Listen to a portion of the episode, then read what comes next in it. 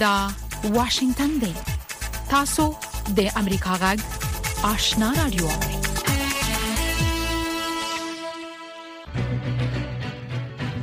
درنو اوریدونکو ستړي مشي زه نام شاباش نایم تاسو په روانه خبرونه کې د سیمه او نړۍ په اړه رپورټونه هم اوري خو لمړی پام وکړئ د سیمې او نړۍ خبرونه السلام علیکم قدرمن اوریدونکو تاسو د دې وخت خبرونه اورئ زه نذرانه یوسف زیم د ملګرو ملتونو د وګړو وجهي صندوق ویلي چې د ایران درو د چارواکو سره یو تړون لاسلیک کړی چې لمخې به په دې هواد کې مشتو افغانو مرمنو او جنو ته د نرسنګ او قابلګۍ په برخه کې د زده کړو شرایط برابر شي د ملګرو ملتونو د عمومي منشي ویاند سټيفن دوجاریک په خبري کانفرنس کې ویل چې دا تړون دوشنبه اگست 28 مه د ایراني چارواکو سره لاسلیک شو ملګرو ملتونو ویلي چې د روزنې دا پروګرام د هغه افغان مرمنو او جنو د غښکلتیا او شمولیت لپاره مهم دی چې ارشوي خپل کور کلی په افغانستان کې پریدي او ایران ته پکړې شي خغلی دوجاریک ویل چې د روزنې د پروګرام مشري به وګړو لپاره د ملګرو ملتونو وجهي صندوق کوي او د کډوالو لپاره د ملګرو ملتونو د ادارې او د مهاجرت لپاره د نړیوال سازمان سره په ګډه د چاري پرمخ وړي د بخښنې نړیوال سازمان د کابل په هوایي ډګر کې د امریکایي ځواکونو د ډرون په پیلټه الوتکه په یو برید کې د لسو ملکی وګړو د وژل کېدو د دویمې کلیزې په مناسبت ویلي چې د دغه خونړۍ پیښې قربانیانو د امریکا د متحده ایالاتو نه هیڅ مرسته نه ده ترلاسه کړې د بخښنې نړیوال سازمان د شنبې د ورځې ناوخته اگست 29مه د ایکس په ټولنیزه شبکه کې په خپل رسمي پاڼه لیکلي چې دوه کال د مخه په دې ورځ اگست 29مه د کابل په هوایي ډګر کې د امریکا د پوز د ډرون بي پلټ الوتکې په وبرید کې لس ملکی وګړي وژل شول د امریکا د متحده ایالاتو پوز د 2022م کال د سپټمبر 18مه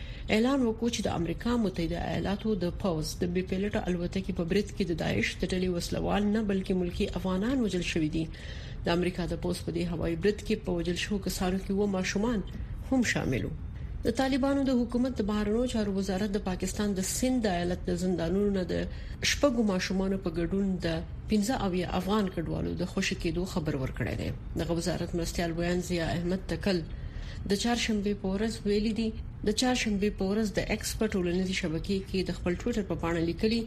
چې دا 15 او یا افغان کډوال په پاکستان کې د افغانستان سفارت او د کراچۍ د کونسلګرۍ چې د طالبانو لخوا اداره کیږي خوشی شوې دي په کراچۍ کې د افغانستان د کونسلګرۍ سر کونسل مولوی عبدالجبار تخاری په ویډیو پیغام کې ویلي چې دا شمیر بنديان د سه شنبه په ورځ اگست 29مه لبنان د خوشي کېدو وروسته دغه کونسلګرۍ په مصرف افغانستان ته استول شوې دي د متحده ایالاتونو دفاع وزارت سه شنبه اگست 29مه د اوکرين سره د 250 مليون ډالرو په ارزښت د نوو نظامی مرستو اعلان وکړو چې د ماينونو پاکولو او خندونو لري کولو وسایل هم پکې شامل دي د کیف ځواکونو چې د سکهال د اوړي په سر کې د روسي ځواکونو په خلاف د تعرضي برید کولو عملیات پیل کړي او غواړي د دې هواد سیمه بیرته د هغوی نه ونیسي په ځمکه کې د ښخ شوو ماینونو پاکولو، خندقونو نه تېرېدو او د ټانکونو لپاره د خنډونو لرې کولو په برخه کې د ستونزو سره مخ دي. پنټاګان په یوې اعلامیې کې ویلي چې په دې نوو نظامي مرستو سره به د اوکراین سره مرستې وشي چې د جګړې په ډګر کې او د ولس ساتنې لپاره د روسیې په ضد تعرضي عملیاتو کې برلاسي ولري. د اندونیزیا پولیسو په لسګونو چینایان په دې تور نیولي چې د انټرنیټ له لارې خلکو ته د مینې وعده ورکولې او په دې چلي ورنه پیسې شو کولې انډونیزیایي پولیسو د چهارشنبه په ورځ ویل چې د چین د امنیتي ادارو په همکاري دغه کسان د انډونیزیا د ریاو ټاپګانو په باتام ښار کې نیولي چې درې اتیایي نارینه او پنځه خزې دي پولیسو ویل چې د ډلې په چین کې لډیرو خلکو په چل پیسې شو کولې د پولیسو د معلوماتو په اساس زیاتره قربانیان دولتي چارواکي دي د مرکزي افریقا د تیلو په بډایه هیواد ګابون کې یوې ډلې پوځي افسرانو د چهارشنبې په ورځ اعلان وکړ چې دغه هیواد ولسمشر بونګو یې لدندې لري کړی او د هیواد واک یې ترلاسه کړی دی د کودتا مشرانو ویلي درې سلويخ کلن علي بونګو چې کورنۍ یې د پنځ سلور شپېته کلن علي بونګو چې کورنۍ یې د 55 کلونو راهیسې په ګابون واکمني کوي په کور کې نظربند دی او یو زوی یې د خیانت په تور نیول شوی دی علي بونګو د یو ناصرګن ځای نه چې اندېښمن بریخي ویلي د ټولو ملګرو نه چې د نړۍ په ګوټ ګوټ کې لرو غواړو چې د هغه په استازیتوب د کودتا په وړاندې आवाज اوچت کړي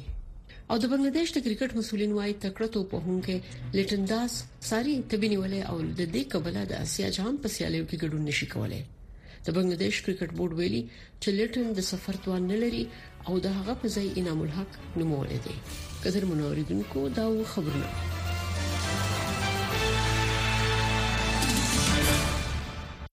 د سیمه او نړۍ خبرونه واوریدل په موقع د سیمه او نړۍ په اړه رپورټونه ده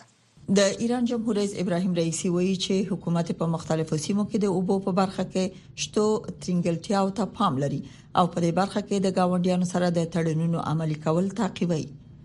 په عین حال کې د سیاسي چارو ځنې افغان کارپوهان په دې باور دي چې ایران او د طالبانو حکومت د یو لړ اړتیاو لمخې یو بل سره تعامل ته اړتیا لري په دې اړه نور تفصيل د امریکا غاک آشنا رادیو د همکار اکرام شینواری پر رپورت کې اوري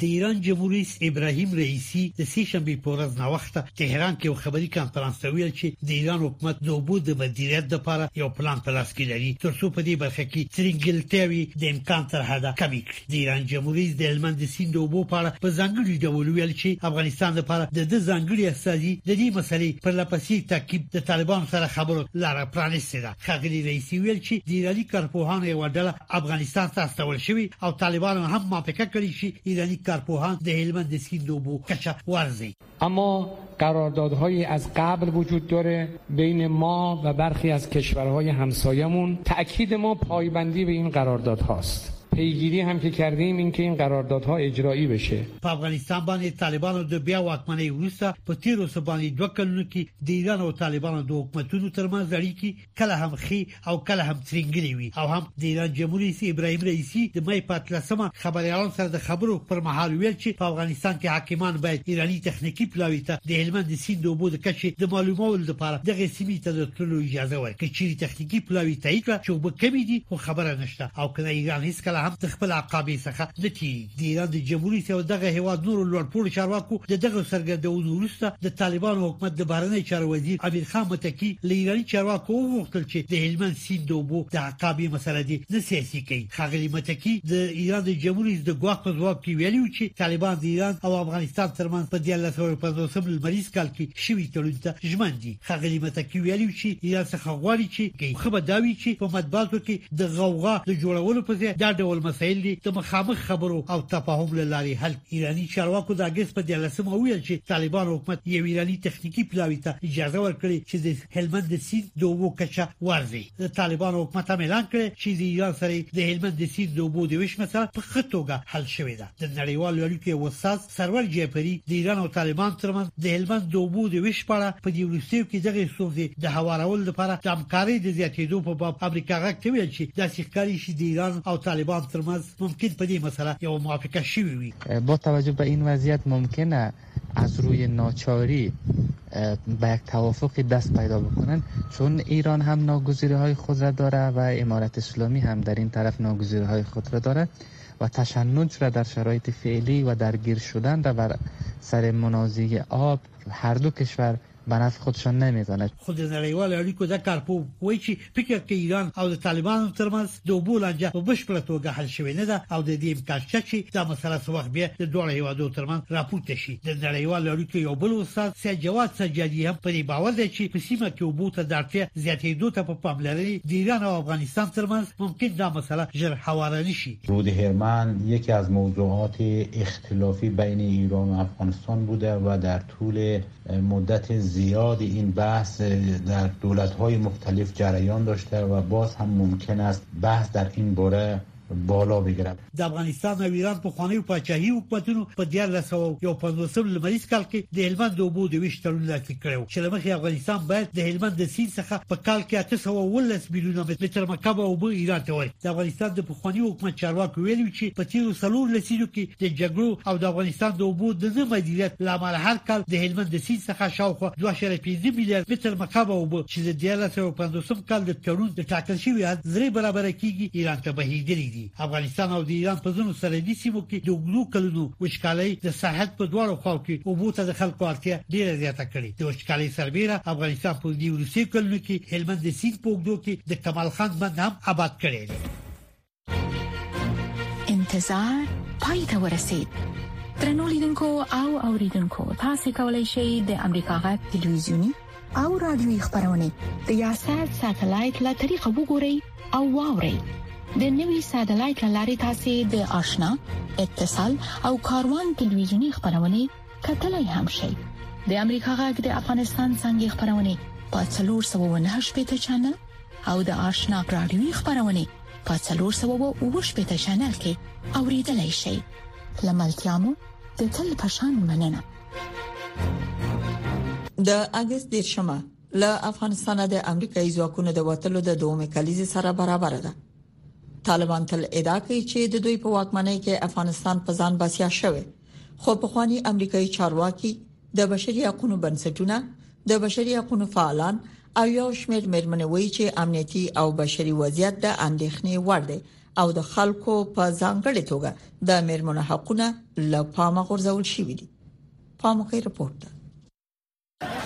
له افغانستان څخه د امریکا په مشرۍ د نړیوال ائتلافي ځواکونو د وټلو دوه کاله پوره شول سره لدې چې امریکایي چارواکو ویلي چې له افغانستان د وټلو پریکړه سخته خو پر ځای و خو په افغانستان کې د ناتو او امریکایي ځواکونو پخوانی قوماندان جنرال ډیوډ پیټریس د امریکا غږ سره په مرکه کې ویل چې له افغانستان د وتلو نتیجه غمجنه وه. وروسته له هغې چې نږدې دوه کاله مخکې موږ د ځواکونو وتل بشپړ کړل، ما وویل چې له افغانستان څخه د وتلو نتیجه غمجنه، زړه ماتوونکې او ناورین ځپلې وه او لا هم فکر کوم چې همداسې ده.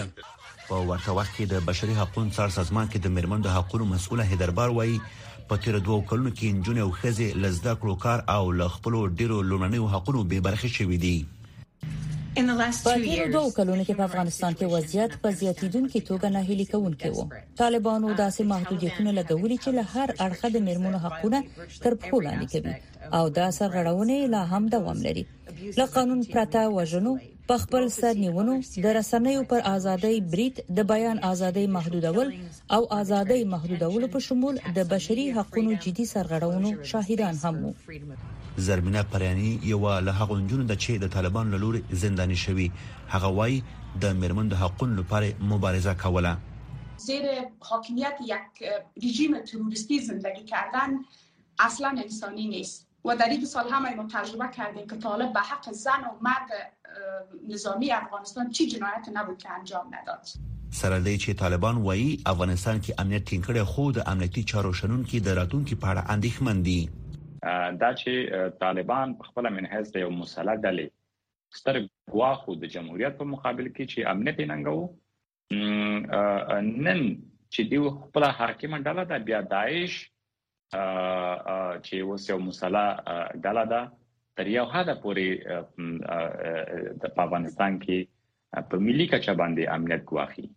د طالبانو له بیا واکمنۍ وروسته افغانستان له بې مخینی بشري ناورین سره مخ شو ملګری ملتونه وايي په افغانستان کې د بشري مرستو د اړتیا وړ کسانو شمیر 9.2 میلیون ته رسیدلی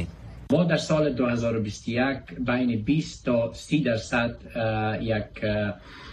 کانترکشن و کوچک شدن تولید ناخالص داخلی افغانستان شاید بودیم و بسیاری از مردم شغل و معیشت خود از دست دادن. له دوو کلونو وروسته طالب چارواکي ادعا کوي چې افغانستان په ښه وضعیت کې دی. له دې چې اتکا په پاکستان باندې وکړي الحمدلله اوس بالکل غني دي یعنی ټول شان کې موږ د پاکستان دلته ډیر ارزاني ده د اقتصادي حالت متراغه ډیر سم دي کرنسي متراغه لوړه ده او د دنیا سره چې کوم یو سیاسي راکړه ورکوي چې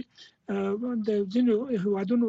کوشش دا و چې سیاسي تعامل باید دوی وکړي او نظامی کارونه موږ وکړو هغه سیاسي تعامل اوس موږ ترلاسه کړي دي. په افغانستان کې د چین د سفارت شازدافر په تازه څرګندونه کې د ټول شمول حکومت پر جوړولو ټینګار کړی وای چې دوی بل افغانستان څخه خپل ملاتړ ته دوام ورکړي تر اوسه هیڅ کوم هیواد د طالبان حکومت پر رسمیت نه دی پیژندلی او یو لوی لامل د بشري حقوقو په تیر بیا د خزو له حقوقو سرغړونه ده وحید فیضی د امریکا غږ واشنگتن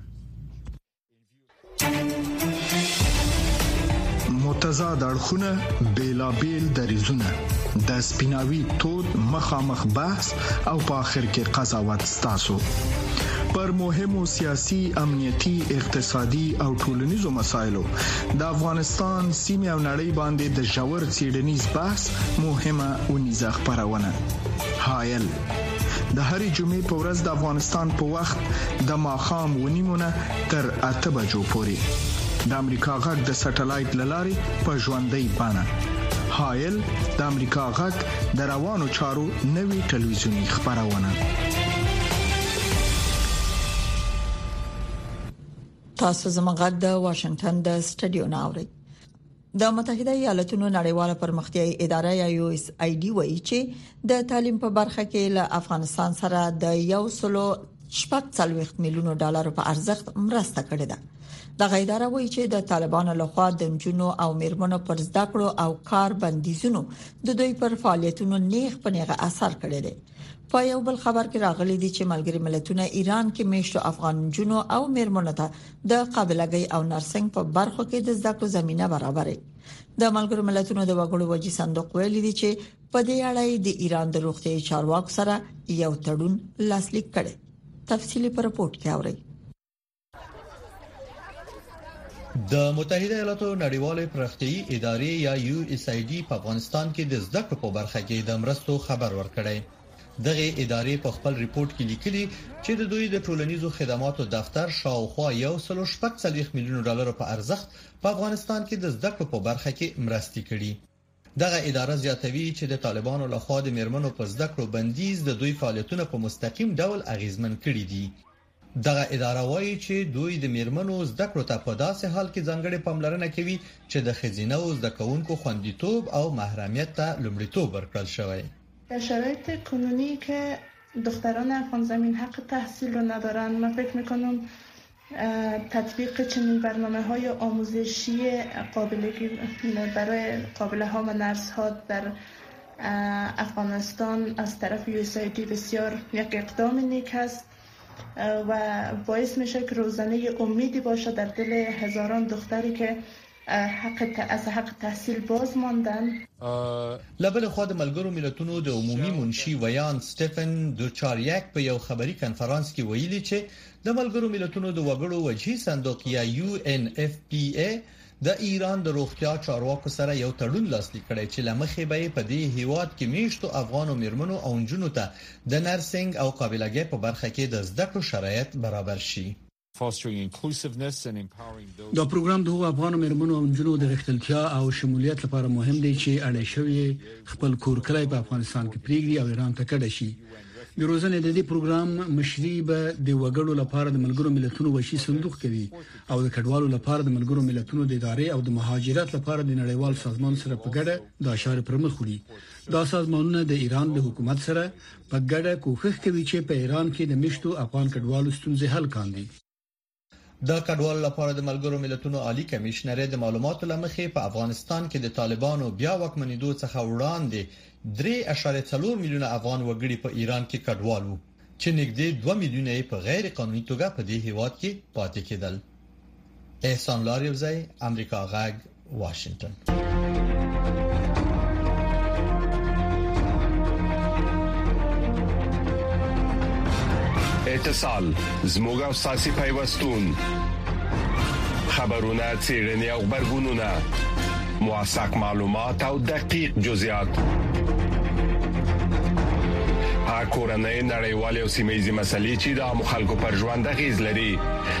ستاسو پوښتنې د چارواکو ځوابونه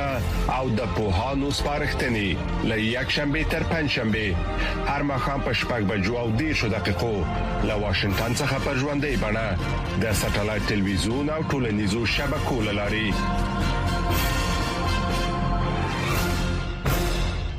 د سیمه او نړۍ په اړه رپورټونو ته د امریکا غږ آشنا رادیو د واشنگټن د سټډیو نه ادامه ورکوي د پاکستان په دوو ایالتونو یا صوبو کې خیبر پښتونخوا او بلوچستان کې په زور د بې درکۍ د پیښو په ضد مظاهره اوس نږدې یو معمول جوړ شوی دی د بشري حقوقو فعالین وایي چې دواړو ایالتونو کې د حقوقو مبارزین ملت پال پښتانه او بلوچستان د لګي یا اوګدي او کله کله تر نامعلومه مودې پورې بې درکه پاکلای پامو کوي رپورت ته په پښتونخوا او بلوچستان کې چې کله څوک په زور بې درک شي نو د پولیسو په ریپورت کې پرچه یا شکایت د نامعلومو خلکو پر ضد ثبت کیږي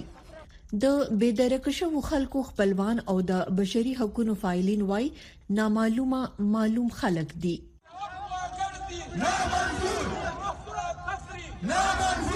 د فعالینو اشاره حکومتي ادارو او په تیره د فوج استخباراتي او نورو ادارو ته وی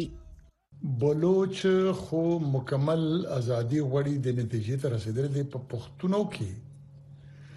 د استراتیژیک ډپت پالیسی د لاندې خلک د ترګریخ کار دی او ځنه پکې د وسایلو خبرم کوي بلوچ خو ټول خبره کوي نو د دې په خلاف به په پنجاب کې ولې داسې لارونه کیږي د هغه سروان شي په سند کې به ولې کیږي د هغه چې څه کم پرستو او خودي په هدفي وجونو کې لری کړ د پاکستان فوج په زور د بيدرکۍ پیښو کې پړه نه مني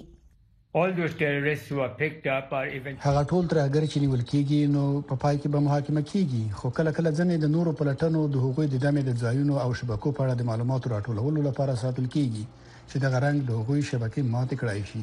په پښتونخوا او بلوچستان کې د تیرو شلو کالو راهسې په ظاهره د ترهګرۍ او بلوچ بیلتون غوښتونکو پر ضد جګړه کې په زرګونو خلک په زور بې درکه شوي، د ځینو بې درکه شوو خلکو مسخ شوي مړي د دواړو ایالتونو د ښارونو د لارو کوڅو کې موندل شوي دي. کوم تحریکونه چې په پښتنو یا بلوچ خاوره باندې لګیا دي، په بلوچ په خاوره باندې وسله وال او د عدم تشدد دواړه تحریکونه شته. زموږ د پښتنې خاورې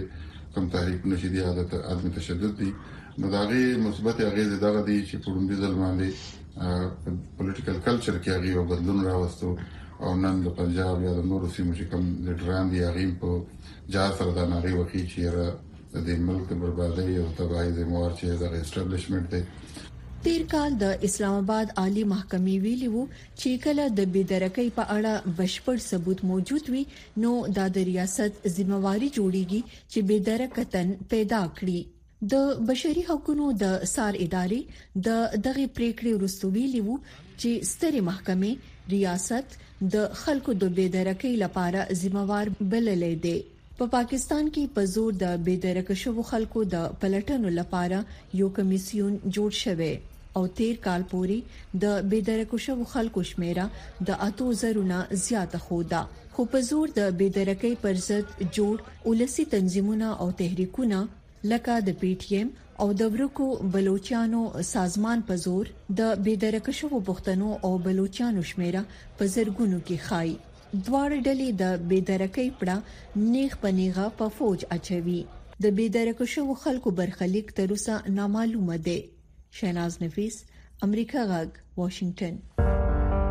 د بدلون پر مهال کله چې د نړۍ وضعیت څرګند نوي او کله چې اوریدل ل عیني واقعیتونو سره سمون نخري موږ په حقیقت پسې ګرځو کله چې موږ ته د یو موضوع یوازې یو اړخ بیانېږي نو باور بایلو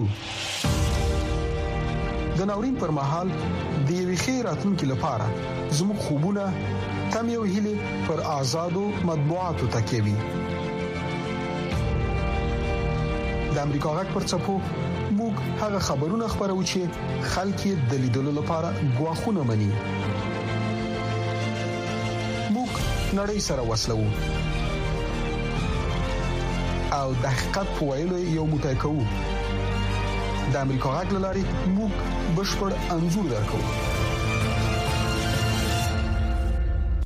رپورټونو ته ادامه ورکو ترکیه او یونان چې تاریخي رقابت او سیالي لري مشرانو یې ساکال په انتخاباتو کې ل پیاوړو بریا ورسته اوس د دواړو هیوادونو ترمنځ اړیکو د بهترولو کوښښونه چټک کړي دي د توقع سره سمبلونه به د ترکیه او یونان د بهرنیو چارو وزیران په انقره کې سره وګوري خو څارونکو خبرداري ورکړې چې دواړه ګاونډیانو ترمنځ غټې ستونزې موجوده دي له استانبول نه د خبريال اډوارد یرانیان د رالیګلي رپورت خلاصه زمنګ له همکار سید سلیمان شاه نه اوري ټاکل شوې چې د یونان د بهرنی چارو وزیر ګیورګوس ګیراپټریس له خپل ترکی همسیال هیکان فیدان سره د سپټمبر په 15مه ملاقات وکړي. دا ملاقات د هغو کوششونو په لړ کې یو تازه کوشش دی چې د دواړو هوادونو ترمنځ د ریپروشما یا اړیکو د رغولو لپاره تر اوسه شوی د یونان صدر اعظم کایریاکوس میټسوټاکس په جون کې په پارلماني انتخاباتو کې لبري وروسته له ترکیې سره د وګړي مودې اړیکو د خکولو هوډ وکړ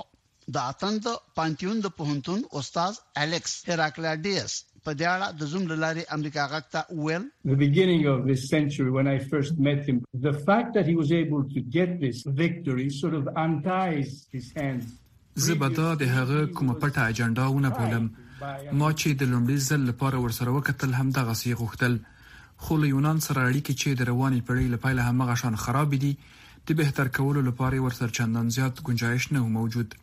ځکه چې د بهرنیو چارو وزیر، د پوځ لوی درستیز او ځینې نور حکومتي ارکان یې سخت دریځي دي. زه دا د هغه کومه پټه ایجنډا نه بلم، ما چې د لومړي ځل لپاره ورسره کتلي وو، همدغسې یې غوښتل. خو له یونان سره اړیکې چې د روانې پېړۍ له پېل نه همغه شان خرابې دي، د بهتر کولو لپاره یې ورسره چندان زیات ګنجایش نه و موجود، ځکه چې د بهرنیو چارو وزیر، د پوځ لوی درستیز او ځینې نور حکومتي ارکان یې سخت دریځي وو. جمهور رئیس رجب طیب اردوان سږ کال په مې کې د دویم ځل لپاره د انتخاباتو له ګټلو وروسته د بهرنیو چارو وزیر بدل کړ. او د هغه پر ځای فې دیان چې یو ماهر او سابقه دار ډیپلومات ګڼل کیږي د بهرنیو چارو د وزیر په توګه وټاکه. د څیړونکو په باور اردوان کولی شي چې له یونان سره د اړیکو د بهتر کولو په خاطر اوس خپل مخکیني سختدریځه ملت پال بیانونه نرم کړي او مثبت ځواب ورته ورکړي. په انقره کې د یوه څېړنیز مرکز بهرنۍ پالیسۍ د انسټیټوټ مشر حسین باغچي په دې اړه خپل نظر داسې څرګند کړ. The new government, uh, of course, uh, will be uh, much more cooperative. I think uh,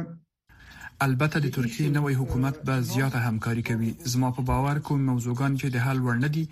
پر خپل ځای بلاین حل پرتی وي خو د توندو بیانونو لهجه او انداز به یو څه نرمي عمومي البته د ترکیې نوی حکومت به زیاته همکاري کوي خو زما په باور کومې موضوعګانې چې د حل وړ نه وي په خپل ځای به لاین حل پرتی خو د توندو بیانونو لهجه او انداز به یو څه نرم شي چېړونکي وایي چې د یونان او ترکیې ترمنځ اړیکو ښه کول به پر ترکیې د امریکایي ساخت اف 14 جټ الوتکو د پلورلو لپاره لار هواره کړي د واشنګټن لخوا پر ترکیې باندې د دغو الوتکو د نه پلورلو یوه وجه د ناټو د دواړو متحدینو یعنی ترکیې او یونان ترمنځ ذات البیني کړکېچ ښودل شوی و. د اړیکو د رغولو ناکامو هڅو ته پاملرنه اوس دا پوښتنه مطرح کېږي چې آیا د ترکیې او یونان ترمنځ د دوه اړخیزو اړیکو د بهتر کولو هلې ځلې به تر څومره وخته پورې نور دوام وکړي د مدیترانې د یوې امنیتي مؤسسې څېړونکي آیا بور ویلا وای وګورئ کوم عجیب تصویرونه چې د ترکیې د جمهوري ریاست دفتر یې خپروي، هر څوک په کې د موسکا په حالت کې لیدل کیږي،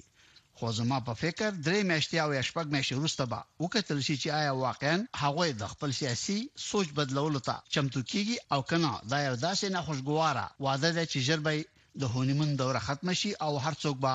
بیرته په خپلو اصلي جامو کې راڅرګند شي. د قبرس پر سر اورسي کړکېچ د رامنځته کېدو د ترکیې له خوا په یوه جنجالي سیمه کې د سړک د جوړولو او د مدیترانې په سمندرګي کې د انرژۍ د زېرمو د لټولو لپاره د برمکارۍ د پیل کولو د اعلان باوجود له قهر نه ډک بیانونو نه د دواړو هېوادونو د مشرانو ډډه کول د هغوی ترمنځ د اړیکو د ښه کېدو په نښو کې شامل دي. د ترکیې د جمهوري ریاست دفتر وايي، توقع ده چې د یونان صدراعظم او اردوان سږ کال په اکټوبر کې په نیویارک کې د ملګرو ملتونو د عمومي اسمبلۍ په غونډه کې د ګډون په ضمن کې ملاقات وکړي. څارونکي په دې باور دي چې دواړه به د روان کال له پای نه مخکې په یونان کې په یوې سرمشریزې غونډه کې هم ګډون وکړي. سید سلیمان شاه د امریکا غږ واشنګټن درنو اوریدونکو خبرونه په همدې ځای پای ته ورسیده